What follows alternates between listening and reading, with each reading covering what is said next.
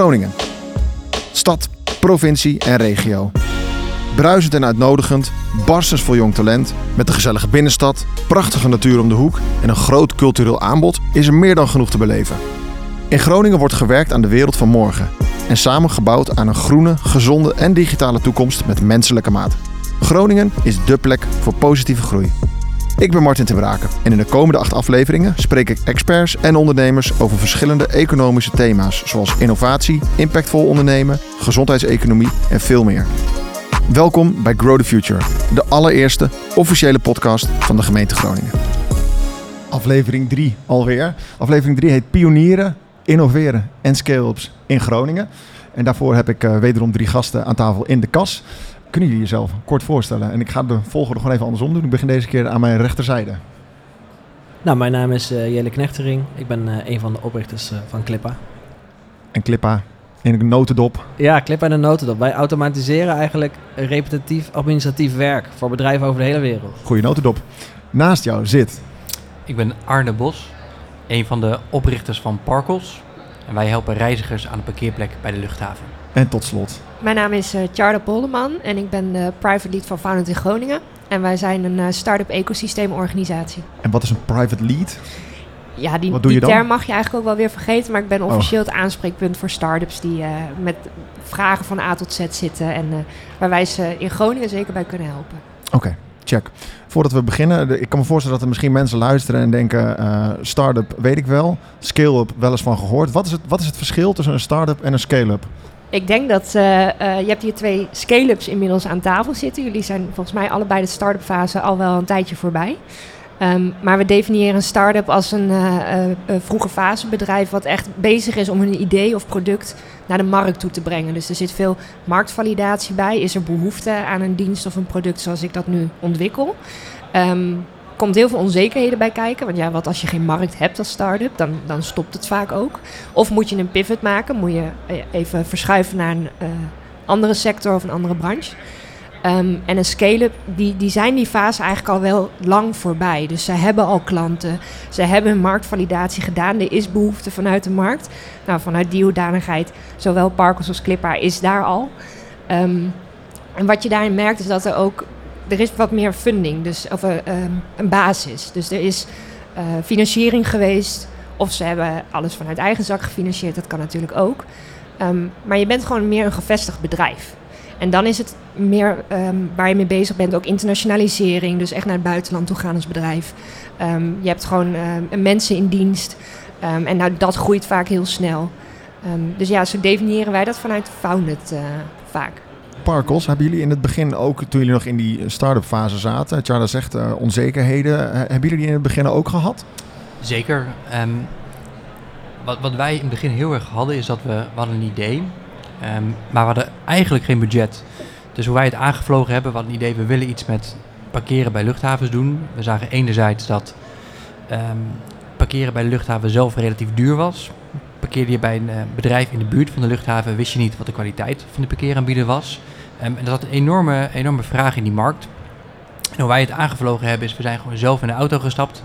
Uh, mijn compagnon Peter en ik hadden allebei geen eigen auto. Dus ik heb mijn zus lief aangekeken van... hey, uh, mag ik je auto een dagje lenen? We zijn naar Schiphol gereden, bij een aantal parkeeraanbieders aangeklopt. Dit is ons idee, dit is ons concept, wil je mee gaan doen? En dat hebben we gedaan voordat we überhaupt iets, iets online hadden staan. Als je geen auto hebt, hoe kom je dan in godsnaam op het idee om een bedrijf in parkeren... Waar ontstaat dan zoiets? Goeie vraag. Um, voordat we met Parkels begonnen hadden we een, een reisweblog. Dat heette Travel Map. Um, dat is een website waar je echt tienduizenden bezienswaardigheden kon bekijken. Um, en dat was voordat influencers hot waren, voordat het hele woord influencer bestond. Dus wat wij basically deden is allerlei bezienswaardigheden beschrijven waar je heen kon gaan als je op vakantie was. Daar hadden we één pagina die heette Parkeren bij Schiphol. En dan zagen we dat we enorm veel bezoekers kregen die die pagina bezochten. ons verdienmodel was gebaseerd op affiliate marketing. Dus we kregen een commissie voor elke verkoop die we realiseerden bij partijen als TUI, Booking.com en Transavia. Um, maar we stuurden ook best wat bezoekers door naar parkeeraanbieders.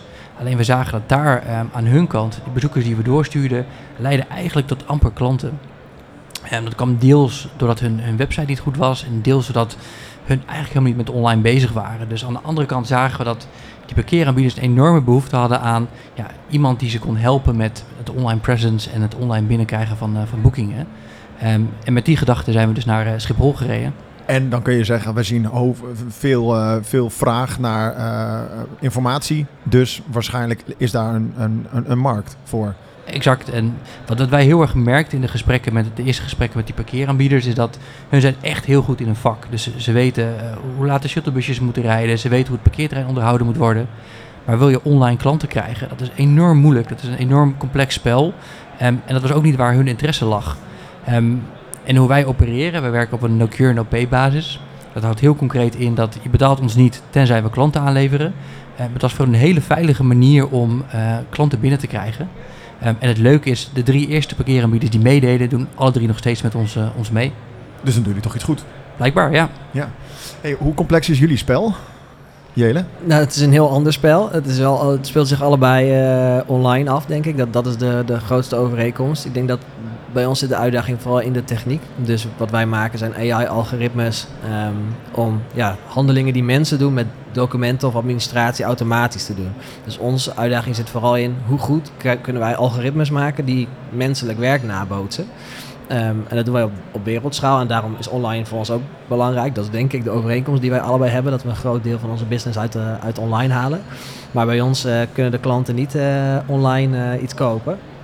Um, dus dus de, transacties zit, zitten heel anders in elkaar. Jullie zijn opgericht in 2015. Nou weet ik niet of mijn geheugen dat helemaal goed heeft. Maar volgens mij waren er toen al best wel veel van dat soort oplossingen. Toch voor, voor uh, ja, het, het, werken met documenten. Stapt u op dat moment in een markt waar echt nog vraag was naar, naar iets nieuws, naar vernieuwing? Ik denk dat mensen heel vaak digitalisering en automatisering mengen alsof het één, één geheel is. Dus wat heel veel bedrijven de afgelopen jaren hebben gedaan, die hebben hun processen gedigitaliseerd. Dus eerder voerden ze hun boekhouding in mappen en later voerden ze hun boekhouding in een softwarepakket. Maar dat je het digitaal registreert, betekent natuurlijk nog niet dat het automatisch gaat. En wat ons bedrijf doet, is eigenlijk de handelingen die je vervolgens in zo'n digitale oplossing doet, die automatiseren wij weer. Dus ja, er was een sterke markt voor het digitaal uitvoeren van werkzaamheden. En wij zijn daar juist op ingesprongen om het automatiseren van die werkzaamheden op te pakken. Oké, en, en heb je een voorbeeld uh, van een, een handeling waar bijvoorbeeld op dat moment misschien wel de meeste vraag naar was, die jullie, uh, waar jullie een oplossing voor hebben geboden? Ja, dus waar wij het grootste in zijn is accounts payable automatisering. Dus dat is je, je boekhouding uh, automatiseren eigenlijk. Dat is bijvoorbeeld gewoon, in el elk bedrijf in Nederland zitten mensen op financiële afdelingen, facturen, bonnen, purchase orders te bekijken, daar data uit over te nemen en dat in boekhoudingen te registreren. Um, dat zijn echt miljarden documenten op jaarbasis. En onze algoritmes bekijken dus automatisch dit soort documenten, halen daar informatie uit en zetten dat dan automatisch in jouw boekhoudpakket zoals je dat wil registreren. Dat, dat is het bekendste, um, ja, het bekendste proces, denk ik, voor bedrijven. Oké. Okay. Zeg Tjarda, jij houdt je heel erg bezig met, uh, met allerlei start-ups en scale-ups. Wat maakt Groningen nou zo'n zo'n goede plek voor een... Uh, nou, in, de, in het begin stond natuurlijk een start-up. Um, nou, wat ik. Kijk, een start-up ecosysteem bouw je niet even in een, in een dag of in een jaar. Daar, daar gaat veel meer jaren aan vooraf. En wat Groningen altijd heel erg uniek heeft gemaakt, is dat je. Um, je zit best wel ver van de randstad af. Dus je hebt eigenlijk een soort van splendid isolation. Je moet het hier met elkaar gaan doen. En um, ik denk dat in de tijd dat de term start-up nog helemaal niet gebruikt werd of hip was, had je hier wel een aantal ondernemers, zeker IT-ondernemers. Um, je had hem in je vorige podcast, Mark Vletter van Voice bijvoorbeeld, die zich heel erg met elkaar verbonden voelden, maar ook heel erg duidelijk zagen waar het eigenlijk misging in het ecosysteem wat we toen hadden. En wat zij hebben gedaan, is ze hebben zich gewoon verenigd. Ze hebben gezegd, als ondernemers vinden wij bepaalde zaken belangrijk. We hebben ook bepaalde zaken nodig om te kunnen groeien. En, en dat werd toen de Noordelijke Online Ondernemers, de NO. En wat je heel erg merkt, is dat, dat die founders, als het ware, die hebben zich gewoon heel hard ingezet voor dat klimaat. En, en toen begon je al met het werken aan het start-up ecosysteem. Um, en wat Groningen daar gewoon heel erg uniek maakt, is dat mensen elkaar best wel snel kennen. De lijntjes zijn kort. Je kan elkaar eigenlijk ook altijd alles vragen. En dat merk ik heel erg bij de start-ups die ook met elkaar praten. Want dat heb je natuurlijk het liefst, dat je van elkaar leert. Um, en dat heeft Groningen. Dus we hebben daar best wel luxe mee. Dat je voor zo'n stad als dat we zijn, hele korte lijntjes hebt. En je zegt dat, dat eh, destijds, eh, je noemde Mark eh, en een aantal andere ondernemers zagen wat er niet goed zat. Of ik weet niet of de, dat de exacte woorden Wat er, waren. wat er miste, waar, Wat ze, er miste. Ja, waar ze tegenaan liepen. En dat was, dat was dus die, dat samenbrengen, dat samen contact hebben. Het, het, het, Nou, ze waren toen de tijd allemaal gevestigd in een mediacentrale, vlakbij eh, het FC Groningen stadion. Ehm, en je merkte dat op een gegeven moment bedrijven daar ook weggingen omdat ze het niet meer pasten. Ze werden wat groter, ze hadden niet meer echt de, de plek daar om te groeien. Ehm, maar als je zo'n groep uit elkaar haalt, of dat gebeurt natuurlijk op een natuurlijke manier, die hadden wel heel erg de behoefte om met elkaar in contact te blijven. Omdat je leert als founder van een andere founder. Ehm, ik heb liever dat een start-up met een andere start-up praat als het gaat om vraagstukken, omdat ze er waarschijnlijk zelf wel tegenaan zijn gelopen.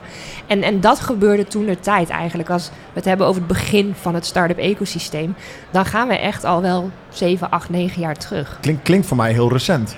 Ja, dat is het nog, begin we, hebben het nog, we hebben nog niet zo'n oud start-up ecosysteem. Als je kijkt naar Silicon Valley of Boulder, wat echt al, nou, wat al 70 jaar aan wordt gewerkt in, eh, in Amerika, dan, dan zijn wij vrij jong. Ja. Maar in Nederland uniek, voorloper. Ehm, nou, we zijn niet uniek als start-up ecosysteem. Ehm, ik denk wel dat we hier heel veel voordelen hebben, maar je hebt ook een start-up Amsterdam. Eh, kijk, zoals een Founded in Groningen heb je ook een Founded in Friesland. Maar in Twente heb je bijvoorbeeld een Novelty. Ehm we zijn organisaties die ook met elkaar samenwerken. Dat doen we ook met Preventure in Amsterdam of in eh, Brabant. Dat doen we ook met TechLeap op nationaal niveau. Eh TechLeap was vroeger Startup Delta en eh Constantijn van Oranje is bijvoorbeeld daar het gezicht van. En we praten echt met alle founders, praten we met elkaar. Wat, wat gebeurt er bij jullie? Hoe gaat dat? Ehm, waar zijn jullie op dit moment mee bezig? Wat zijn belangrijke speerpunten? En zo doen we dat ook met het speerpunt eigenlijk van Noord-Nederland.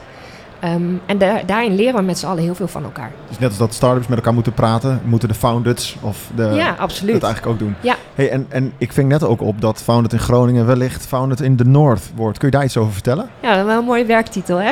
Ja, denk ik Founded wel. in the North. Ehm, ja, we zijn daarmee bezig. Ehm, eh, dat, dat zal waarschijnlijk vrij recent ook echt wel gaan spelen.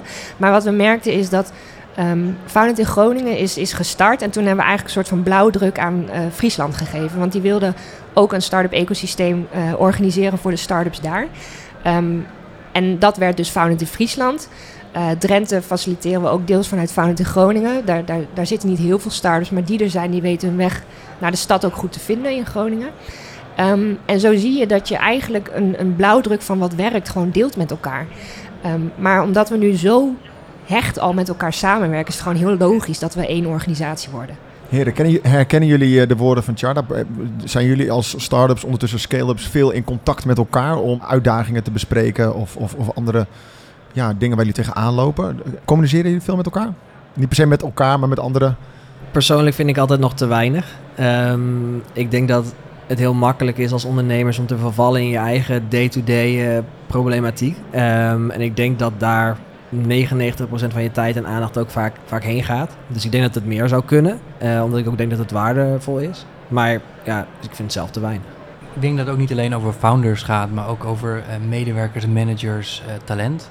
Ehm, wat wij heel erg hebben gemerkt, dat als je als scale-up naar de volgende fase wil komen, gaat het gewoon om goede mensen binnenkrijgen. En daar moet je enorm veel in investeren. En het is niet alleen dat, dat founders onderling eh, contact moeten hebben, maar we hebben ook enorm veel geleerd van managers van bedrijven die al een stapje verder zijn. Of het nou om product gaat, om marketing gaat of om sales gaat.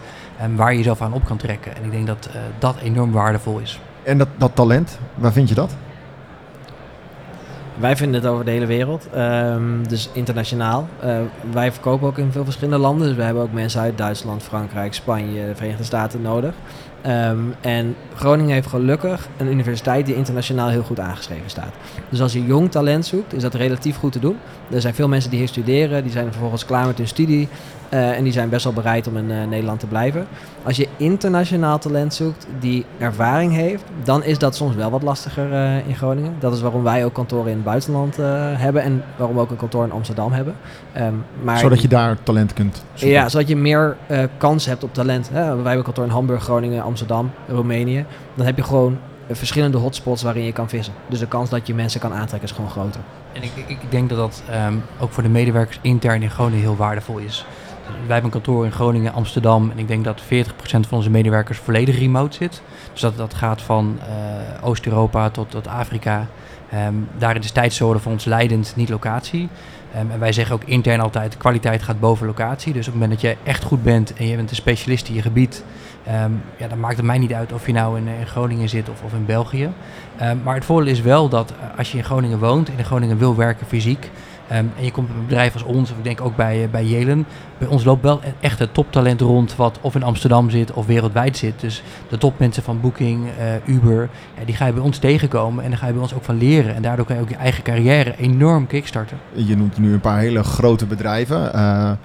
Eh, nou, dat- ik bedoel dit natuurlijk niet negatief, maar Parkels eh, spreekt net wat dat betreft, eh, denk ik, voor de gemiddelde luisteraar net iets minder tot de verbeelding dan bijvoorbeeld een partij als Booking. Hoe, hoe, hoe haal je dat soort partijen hier naartoe? Eh, niet partijen, maar dat soort eh, medewerkers, Ehm, talenten. Goede vraag. Ik denk dat het ook heel gaat over de, de fase waar je in zit als bedrijf. Dus op het moment dat jij een, een, een super, super specialist binnen wil krijgen, terwijl je met vijf man op kantoor zit, gaat die specialist gaat niet de waarde toevoegen die je, die je nodig hebt. Dus je moet ook heel erg kijken van wat hebben we nu nodig? Waar staan we? Waar willen we over twee, drie jaar heen? En wie kan met ons die stap maken? Ehm, en wat je heel erg merkt is dat vooral bij de grotere bedrijven, ehm, bijvoorbeeld van een booking.com, het wordt iets corporate. Er zitten mensen die eh, meer op zoek zijn naar, naar de start-up, de snelheid van een start-up. Ehm, en die vinden partijen zoals ons enorm interessant om, eh, om aan bij te dragen. Of ze altijd naar Groningen komen, nee, dat- maar dat is ook helemaal oké. Onze organisatie is ingericht op eh, online first. Dus alle meetings, alle structuren, alle processen zitten online. Dus je kan ook prima vanuit thuis inbellen, dat is helemaal oké. En was dat ook al zo voor corona? Dat is, dat is, dat, in corona hebben we echt een shift gemaakt. Dus eh, pre-corona zaten we met z'n allen Groningen fysiek op kantoor. Ehm, tijdens corona we hebben we enorm harde klappen gehad omdat we parkeerplekken bij luchthavens verkopen. Oh ja, natuurlijk. Ehm, kwamen er ook achter dat dat thuiswerken eigenlijk heel goed gaat. En ehm, dat je mensen eh, de vrijheid, de ruimte en de tijd moet geven om, eh, om thuis te werken. Als je je processen daarop aanpast, je structuren daarop aanpast, werkt dat echt, echt heel goed.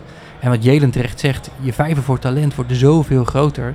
En de fase waar wij in zitten, met, met 110, 120 man, we zoeken heel veel specialisten. Eh, specialisten met hele eh, specialistische ervaring. Ehm, en die kan je, als je wereldwijd eh, mensen aanneemt, veel beter vinden. En Zeker. eh, het is natuurlijk ook wel zo, ik weet niet hoe jullie dat ervaren, maar een divers team brengt veel meer creativiteit met zich mee. Mensen kunnen veel meer van elkaar leren. Dus ik denk ook dat dat het grote voordeel is, dat jullie op die manier werken. Omdat je hebt ook gewoon in het team meer te bieden. Jelene, ik weet niet of jij dat op, met alle kantoren die in het buitenland zitten ook zo ervaart. Dat, dat ervaar ik zeker zo. Ik denk een heel concreet voorbeeld daarvan is als je business wil doen in sommige landen waar de businesscultuur heel anders is. Dan kan je wel een boek lezen en in het boek zeggen ze bijvoorbeeld nou Spanjaarden houden van veel small talk. Maar dat is toch anders dan een Spaans iemand in je team hebben die dat helemaal leeft en ademt. En ik ga nooit de beste salespersoon worden in Spanje. En een Spanjaard waarschijnlijk ook niet snel in Nederland. Omdat je hele culturele achtergrond gewoon zo anders is. En ja, dat bij elkaar brengen. Zorg dat je succesvol kan zijn op meerdere vlakken, wat je anders nooit zou kunnen. En hoe zou je die, eh, eh, de, de cultuur van Groningen dan beschrijven? Je zegt eh, in, in Spanje small talk. Hoe, hoe, hoe zou je Groningen wat dat betreft beschrijven? Als jullie daar een goed op antwoord op hebben, hoor ik hem ook graag natuurlijk. Ja, ik denk dat Groningers heel nuchter en heel to the point zijn. Dus niet te veel, ja, niet te veel randzaken, snel zaken doen. En dat is denk ik sowieso wel Nederlands, ook wel Noord-Europees, denk ik. Ehm, maar Groningers zijn heel nuchter. Dus wij zeggen, we scheppen weinig op gemiddeld genomen, denk ik, over wat we doen. Zouden we meer moeten opscheppen, Charda? Nou, dat is wel wat iedereen altijd zegt. Jelin, ik weet dat Clippa genomineerd is voor de Deloitte Fast 50. Ehm, dat, daar sta je niet eventjes zomaar in. En ehm, in het algemeen, hè, ik kom zelf uit Den Haag en je, ziet, je hoort vaak dat mensen zeggen, maar wat gebeurt er veel daar in het noorden? Ook in Friesland, ook in Drenthe. Ehm, heel veel innovatie is hier gewoon ook echt ontstaan. Is hier begonnen, is hier uitgevonden.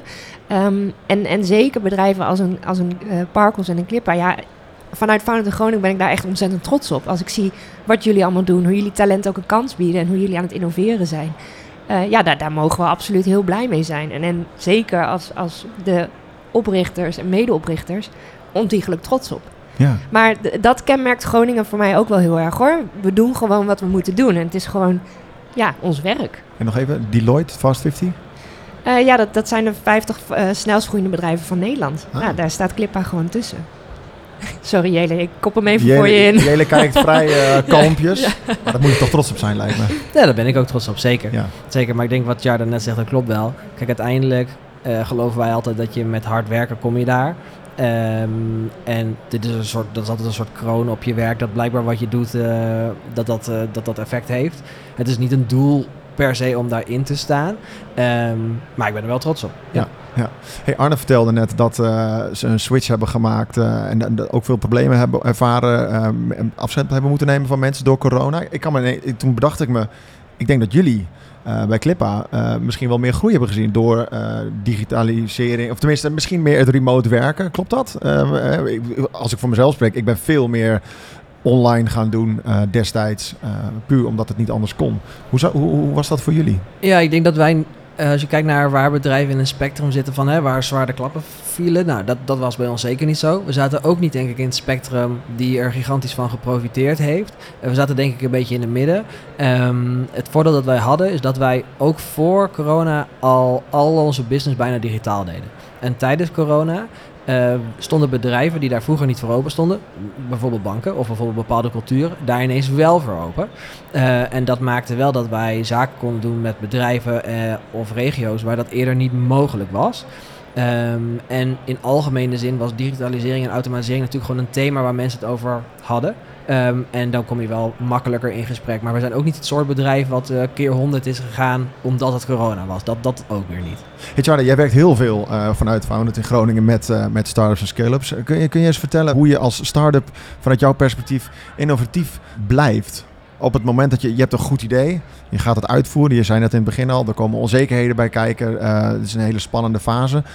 En dan heb je iets, nou bijvoorbeeld eh Parkers of Clippa. Hoe, hoe blijf je innovatief? Nou, ik denk dat zij die vraag ook zeker eh, met mij kunnen beantwoorden. Ehm, kijk, een van de definities, als we het inderdaad hebben over een start-up, is dat er altijd een technologisch aspect bij zit. Dus een start-up heeft vaak technologie of, eh, eh, bedacht of gemaakt of nodig om te kunnen groeien.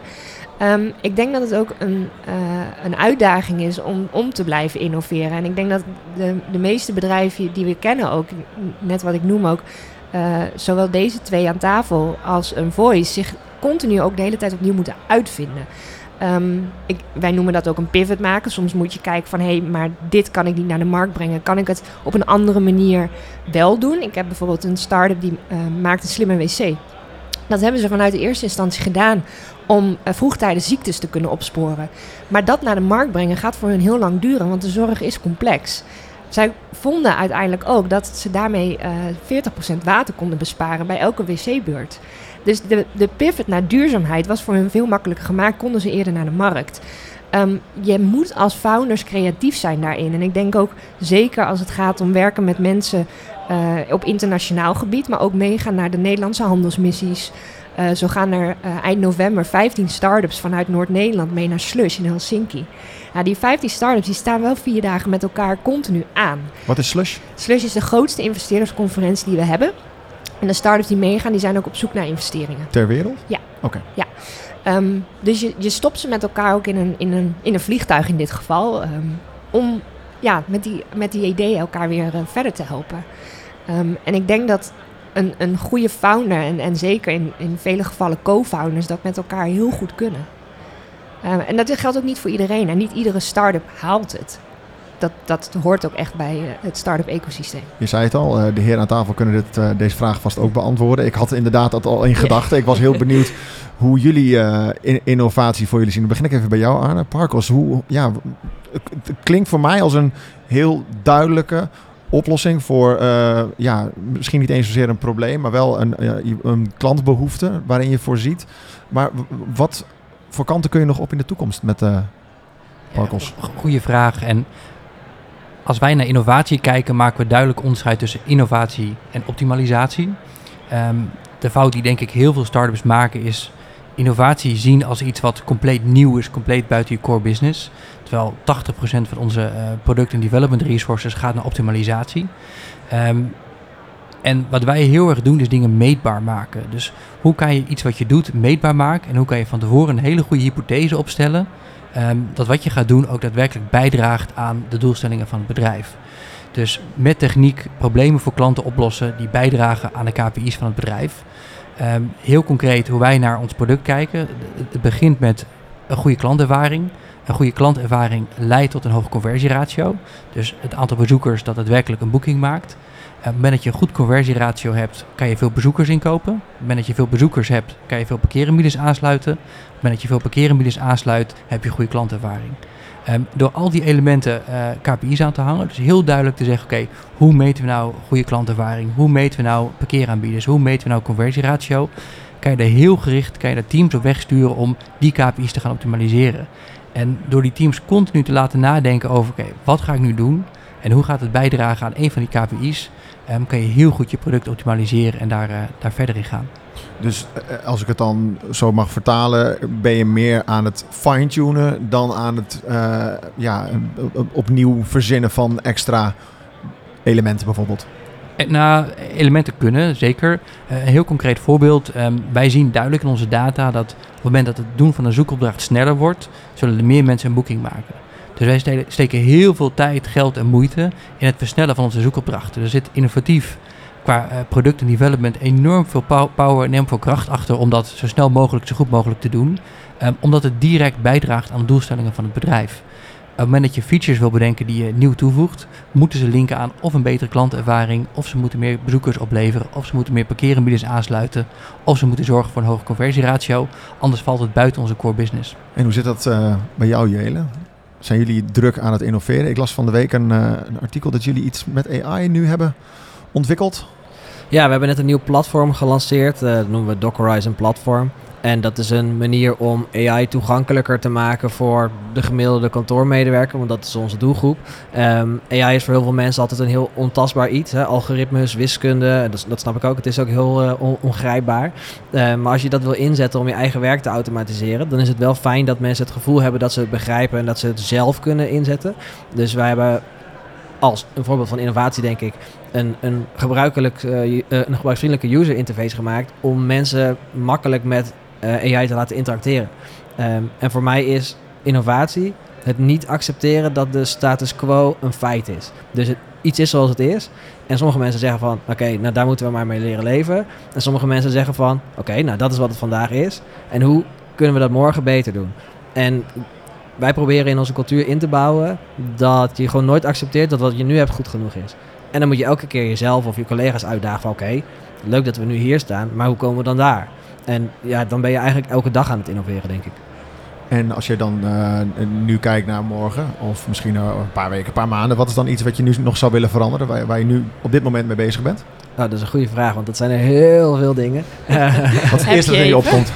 Ideeën zijn vaak een probleem niet, volgens nee. mij. Nee, nee, ideeën zijn een probleem niet. Het is, het is echt executie uh, altijd. Um, ik denk het eerste wat in me opkomt is snelheid. Dus hoe kan je de snelheid waarmee een klant live is bijvoorbeeld maximaliseren? Hoe sneller iemand iets kan gebruiken, hoe groter de kans dat iemand daar blij mee is en dat die klant blijft. Um, dus alle pijn die zeg maar tussen de handtekening van een contract zit en ik ga je product voor het eerst gebruiken, hoe kan je dat minimaliseren en, dat zo snel mogelijk maken? Dat is eigenlijk ook een beetje wat, uh, wat jij net zei, Arne. Ik, denk dat het ook heel duidelijk aansluit bij de, de doelen van Clippa. En dat dat innovatie ook heel erg moet gaan over hoe draagt het bij aan wat wij als bedrijf als, als visie hebben waar we heen willen. Wat is die visie? Wij geloven heel erg in dat, dat online partijen uh, de grootste gaan groter worden, de kleine gaan links of rechts wat moeilijk krijgen. Dus onze ambitie die we hebben, we willen nummer één worden in een airport parking. En wat we willen is de airport parkingmarkt openen voor, uh, voor reizigers om ze te kunnen laten genieten van hun, uh, hun reis. Hebben jullie ook een, een visie? Ongetwijfeld toch? Tjana? Absoluut, absoluut. In, ik denk dat. Uh, nou, je zei net al eigenlijk een beetje founded in de Noord. Dat is volgens mij ook een beetje. Ja, samen. maar ik denk dat we een stapje verder kunnen gaan. Kijk, voor mijzelf, en dan heb ik het echt even persoonlijk. Het meest ideale vind ik dat, dat wij het goed hebben gedaan als je als founder niet meer nodig bent. Gaat dat punt ooit komen, denk je? Ik hoop het wel, maar net wat ik zeg, in, in Amerika begint er al een start-up ecosysteem 70 jaar terug. Wij zitten nu met 7,5, 8 jaar ja, zijn we net een beetje op weg. En we doen heel veel dingen hartstikke goed. Maar er kunnen ook nog steeds heel veel dingen heel veel beter. En dat is echt samenwerken als, als partijen met elkaar als het gaat om deze bedrijven. Um, kijk, uiteindelijk moet die wens dat we er zijn altijd komen vanuit de start-ups en de scale-ups. Um, dus mijn droom is ooit dat we niet meer nodig hoeven zijn. En dat het ecosysteem werkt met de start-ups en scale-ups die er op dat moment zijn. En dat zij het ook dragen. Maar ik kan me niet voorstellen dat dat, dat, dat jullie missie is. Jezelf overbodig maken. Mijn persoonlijke missie, absoluut. Ja? ja. Maar het, het, zal, het zal in die zin natuurlijk niet volgend jaar gebeuren. Ehm, ehm, ik denk dat als we het hebben over de, de missie van een Founded, dat je altijd hoopt dat het start-up ecosysteem floreert en dat start-ups en scale-ups, dat alles wordt gedaan om hun te helpen groeien. En dat is ook vaak wat ik uitleg. Wat doen jullie? Ja, wij helpen start-ups en scale-ups groeien. En als we dat niet meer kunnen doen, ja, dan worden we overbodig. Wat denken jullie, eh, heren? Zou een, eh, een partij als Founded ooit eh, overbodig kunnen zijn? En zo ja, wat is er daar dan voor nodig? Ik, ik vind het wel een mooie doelstelling, maar het sluit wel aan bij wat ik eerder zei. Denk ik dat ik geloof dat bedrijven vooral bezig zijn met hun eigen business. En ik geloof dat heel veel mensen, en nou, wij allebei waarschijnlijk ook, vinden op zich die kruisbestuiving interessant en belangrijk. Maar omdat je er niet dagelijks mee bezig bent en over nadenkt, zeg je niet van goh, laten we zelf even drie events organiseren en eh, mensen bij elkaar brengen. Ik heb het overigens wel een keer geprobeerd eh, pre-corona om alle marketingmanagers van verschillende bedrijven bij elkaar te brengen. Maar dat is echt super gaaf dat je dat, dat, je dat wel hebt gedaan. Zeker, alleen dan komt corona en dan eh, kan het even niet doorgaan. En ja, dan moet wel weer iemand of, of ik de energie vinden om dat weer aan te slingeren. Dus ik geloof wel dat een facilitator in, in het landschap werkt, eh, omdat het hun core business is om die mensen bij elkaar te brengen. En die mensen allemaal een, eigenlijk een andere core business hebben. Dus anders blijft het altijd een soort tweede rangs verantwoordelijkheid die je ook hebt, die je ook belangrijk vindt, maar die wel altijd op de tweede rang staat. En ik denk dat je daardoor ook goed in kan worden. Dat je core business te maken, zul je dat ook beter kunnen doen dan founders die het erbij doen en die al een druk agenda hebben en een hoop op hun bordje hebben liggen. Ja, dat is absoluut waar. En ik denk ook waar op dit moment, ehm, en dat is even met de recente projecten die we draaien vanuit Founded, leveren we ook de data die we hebben over de startups en scale-ups aan met TechLeap. En TechLeap gebruikt eh, die data ook weer als het gaat om hoe gaat het, hoe goed gaat het met het start-up ecosysteem in Nederland aan zich. Ehm, ja, die data die verzamel je niet als je in Amsterdam blijft zitten. Dat moet echt vanuit ons komen. En wij, hou- wij kijken ook echt naar hoeveel start-ups beginnen er nou in een jaar? En, en wie gaat er door naar een scale-up? Wat is die ratio uiteindelijk? En we zijn heel druk bezig om dat ook inzichtelijk te maken. Want de kennis die je hebt van zo'n start-up ecosysteem... ja, dat is denk ik een van de grote voordelen die wij hebben. Er zit 15 jaar aan kennis in de organisatie. Jullie zijn er nog mee bezig dus, maar kunnen we al een soort van antwoord krijgen op hoe het goed het gaat? Nou, het, gaat. ik denk dat er nog heel veel, eh, als het zeker gaat om de BV Nederland, niet alleen Noord-Nederland beter kan. Ehm, en een van die dingen is bijvoorbeeld eh, talent. Eh, het talent behouden en talent aantrekken. Ehm, en een- ander punt is het ophalen van kapitaal. We hebben heel veel vroege fase financiering. Echt voor de startups met ik heb een idee en ik wil dat gaan testen op de markt. Maar eh, financiering voor bedrijven die heel hard aan het groeien zijn, ja, dan moet je naar eh, internationale investeerders gaan kijken. Ehm, want dat stukje missen we hier gewoon nog. En dat missen we ook vrijwel in heel Nederland. Eh, er zijn een aantal grote spelers die dat heel goed kunnen. Ehm, maar ook als het gaat om talent. We hebben nu bijvoorbeeld de versobering van de eh 30%-regeling voor expats. Nou, dat is nu een heel politiek punt. ehm, maar daarmee eh, zet je wel kennis weer buiten de deur. En kunnen die expats die die kennis hier waarschijnlijk heel goed kunnen benutten voor de partijen die hier zitten, dat ook in een ander land doen, maar ze wel die voordelen krijgen van zo'n regeling. Ja. En dan gaat het met name om belastingvoordelen. We zitten op de, op de promotiedagen. Eh, het thema is het eh, Nieuwe Noorden. En ik weet niet, waren jullie nou, vanmorgen ook bij de opening? Nee, helaas. Oké. Nou, Rico Bakker die eh, presenteerde dat mooi en die had een aantal filmpjes eh, van mensen die die op straat eh, interviewden. En er was een vrouw die zei, nou het ziet er allemaal somber uit. En hij vroeg ook eh, onder andere aan eh, de baas van de promotiedagen, Michel Elzinga, om in een tijdcapsule zijn grootste wens voor de toekomst te stoppen op een briefje. Nou heb ik hier geen briefjes, maar we nemen dit natuurlijk wel op. Als ik jullie zou vragen, wat is jullie grootste wens voor de toekomst? Voor jezelf misschien, of voor, het, eh, ja, voor Groningen als, als ja, ecosysteem voor start-ups? Ja, een wens voor de toekomst. K- Ik zou het mooi vinden als Groningen en de bedrijven in Groningen gewoon nog meer naar buiten gaan treden met wat ze doen. Eh, eh, ik, ik gebruikte zelf eerder misschien ook het verkeerde woord opscheppen. Ik denk dat dat is hoe wij Groningers dat vaak zien. Ik zeg vaak, je vertelt gewoon wat je doet. En dat vertel je heel vaak en heel veel. Ehm, en als dat meer zou gebeuren in de regio, dan denk ik dat de regio A succesvoller zou zijn. En ook wat meer erkenning zou krijgen eh, voor wat ze allemaal doen. Ehm, en dan, dan moet Groningen of het noorden gewoon even over hun eigen bezwaren stappen dat dat iets slechts zou zijn. En ik denk dat dat gewoon goed zou zijn voor de regio. Ik denk dat het ook goed is voor de regio dat er een aantal partijen zijn die echt de volgende fase weten te halen. Dus echt Jelle en ik zitten denk ik in dezelfde fase met een mannetje of 100. ehm, die echt de volgende fase weten te halen dat ze wereldwijd eh, marktleider worden in zijn of haar veld. Ehm, dat is voor het ecosysteem enorm goed, omdat dat ook een kweekvijver wordt voor talent. Dus daar kunnen andere start-ups ook weer goede mensen vandaan halen, wat weer voortvloeit eh, door het hele ecosysteem. Ehm, en dat gaat het noorden ook eh, enorm veel verder helpen. Dat je op een gegeven moment bedrijven hebt waarvan je weet, die zijn al drie stappen verder. Daar zitten goede mensen, daar kunnen we of van leren, of dan kunnen we wellicht eh, mensen die daar zat zijn, de overstap maken naar, eh, naar een kleinere start-up. Wauw, Nou, voor beide. Ja, kun je daar ik- nog iets aan toevoegen? Nou, ik, ik vind allebei de punten, kan ik me volledig ook bij aansluiten. Ehm, als ik daar nog iets aan toe mag voegen, dan is het met name dat ik denk... alle partijen die hier iets doen voor het ondernemersklimaat... Kijk, start-ups zijn een klein stukje van de hele taart. We hebben het ook over het MKB, MKB+. Als we daar met z'n allen kunnen innoveren en eh, van elkaar kunnen leren en elkaar kunnen opzoeken... en met elkaar gaan samenwerken... en dat is ook de reden waarom wij richting een Found It in the North eh, project gaan... Ehm, ja, dan, dan heb je daar als Noord-Nederland echt heel veel profijt van. En dan word je hier gewoon een heel interessant vestigingsklimaat. Ook voor internationale bedrijven. Nou, dat klinkt als een rijtje hele goede ambities en, eh, en wensen. Hey, tot slot, Jelen, jullie hebben een hond op kantoor? We hebben tegenwoordig meer dan één, eh, één hond zelfs. Dus ze, lijken zich te vermenigvuldigen. Ja, nee, hond eh, helpt gewoon met eh, plezier op de werkvloer. En dat is heel belangrijk. Ehm, een van onze collega's begon ooit met de vraag van... mag ik mijn hond meenemen? En toen was het, ja, waarom niet? En toen werd het nog eentje, toen werd het nog eentje. Toen was het hek van de Dam. Ja, nu hebben we wel gezegd van eh, hier, hier ligt wel ongeveer de grens van het aantal honden per kantoor, vierkante meters. Eh, maar ja, mensen vinden dat leuk. We geven ze een reden om even een rondje te wandelen, even iets anders te doen dan achter je computer zitten. En dat heeft gewoon een positief effect. Bedankt voor het luisteren naar aflevering 3 van Grow the Future. Als je wilt, dan kun je direct door naar de volgende aflevering, waarin Bart Volkers, Jolijn Kruidsberg en Max Papo aanschuiven. Samen praten we over het belang van circulaire economie, de impact van sociale ondernemingen, toekomstvisies op duurzaamheid in de regio Groningen en de maatschappelijke rol van bedrijven. Klik in je podcast-app op abonneren om niks te missen. En als je het nou echt leuk vindt, geef ons dan ook een beoordeling.